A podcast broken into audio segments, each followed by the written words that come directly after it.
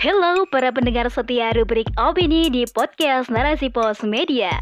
Masih bersama saya Dewi Fitriana.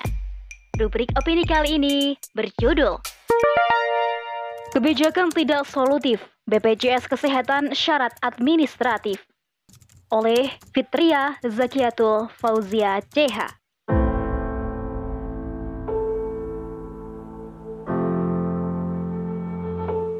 Lagi dan lagi, tak henti-hentinya ulah penguasa yang semakin melintir.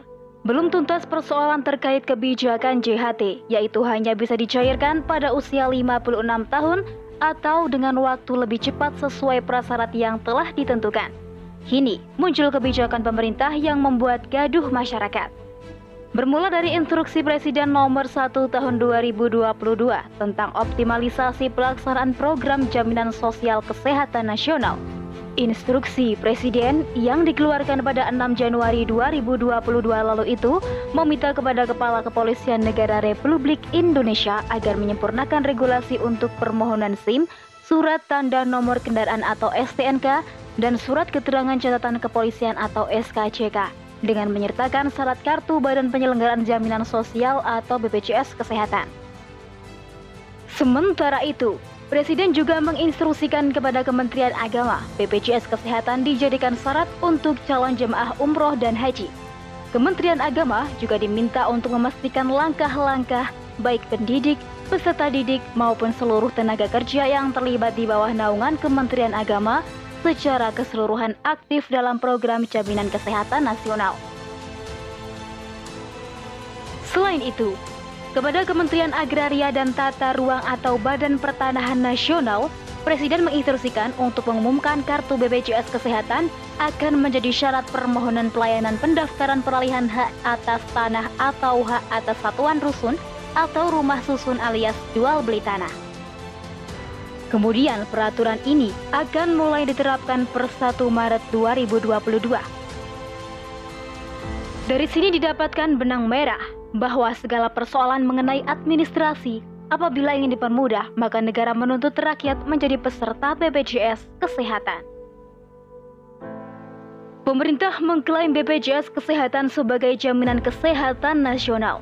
Tak ayal keberadaannya seperti asuransi kesehatan. Karena setiap peserta BPJS Kesehatan per bulannya diwajibkan untuk membayar premi yang sudah ditentukan oleh negara. Berarti pada faktanya negara tidak menjamin kesehatan rakyatnya. Namun justru rakyat banting tulang secara mandiri untuk menjamin kesehatannya.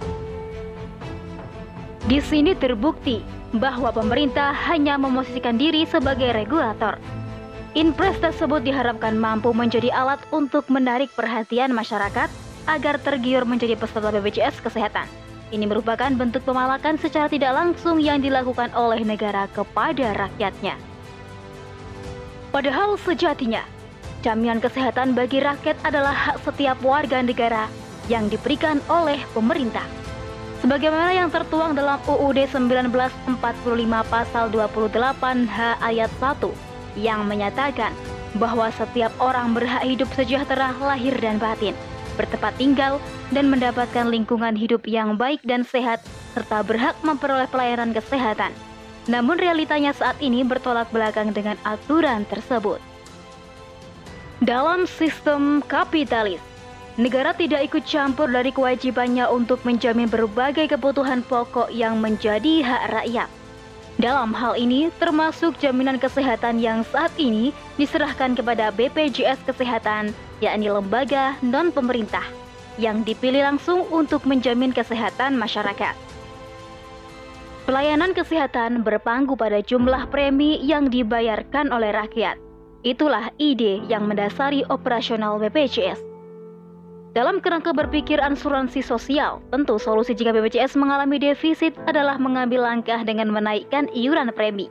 Alhasil dalam sistem kapitalis, fakta yang disuguhkan adalah menjual layanan kesehatan, bukan memberikan layanan kesehatan secara gratis. Di dalam perspektif Islam, diletakkan dinding tebal untuk memisahkan antara kesehatan dan kapitalisasi. Islam telah menetapkan bahwa negara yang memiliki kewajiban memenuhi seluruh kebutuhan hidup rakyat, mulai dari sandang, pangan, dan papan, termasuk juga di dalamnya keamanan, pendidikan, dan kesehatan. Hal tersebut merupakan bagian dari kewajiban dasar negara atas rakyatnya. Tidak boleh mengabaikan penunaian kewajiban, karena mereka kelak akan dimintai pertanggungjawaban atas kewajiban ini di akhirat. Tanggung jawab dari seorang pemimpin, salah satunya adalah menyediakan layanan kesehatan dan pengobatan bagi rakyatnya secara gratis. Klinik, rumah sakit, dan fasilitas kesehatan lainnya merupakan fasilitas umum yang diperlukan oleh umat dalam rangka terapi pengobatan dan berobat. Negara wajib menyediakan kemaslahatan dan fasilitas umum secara gratis sebagai bagian dari mengurusi urusan rakyatnya. Hal ini sesuai dengan sabda Rasulullah Shallallahu Alaihi Wasallam yang artinya, pemimpin adalah pengurus rakyat dan dia bertanggung jawab atas rakyat yang dia urus. Hadis riwayat Al-Bukhari. Pemberian jaminan kesehatan tersebut tentu membutuhkan dana yang tidak sedikit.